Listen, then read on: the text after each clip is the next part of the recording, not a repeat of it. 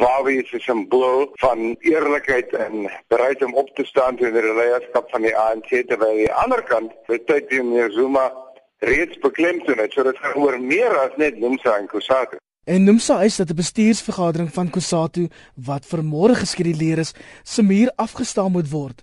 Behoort Kusatu aan hierdie eis gehoor te gee of nie? Uit die Kusatu oogpunt uit 'n strategiese oogpunt reken ek dat hulle kan nie net nou en voor nou kanselleer nie dit sal lyk of hulle die aftog blaas en dan die storie verby.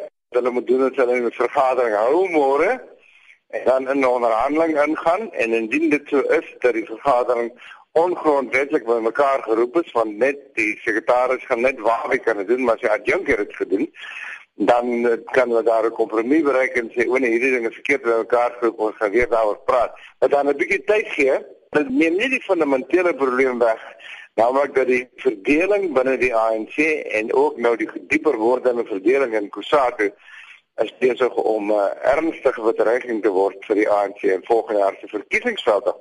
Want daar Kusatu was nog altyd die liggaam wat die mense gehad het op georganiseerde wyse wat met verkiesingstyd kon sorg dat kiesers werklik uitkom en stem. Nomsa glo vas dat Kusato die onlangse seksskandaal waarby Zwelin Zimbabwe betrek word as 'n verskoning voor hom van hom ontslae te raak. Nou jy volg die Kusato verwikkelinge al 'n geruime tyd. Gaan dit oor die seksvoorval of skuil daar dalk iets meer hier agter?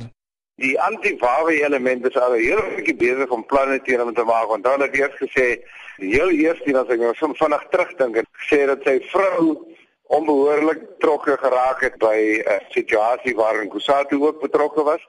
Daarna het hulle gesê nee, waar wie hierdie ou gebou, Kusatu gebou in Brandfontein verkoop op 'n manier wat die geld gekos het en dat alles nie in orde is en dat hulle op grond daarvan 'n ondersoek laat instel. Die word nou in September word die ondersoek die bevindinge bekend gemaak en hierdie nou die derde ene.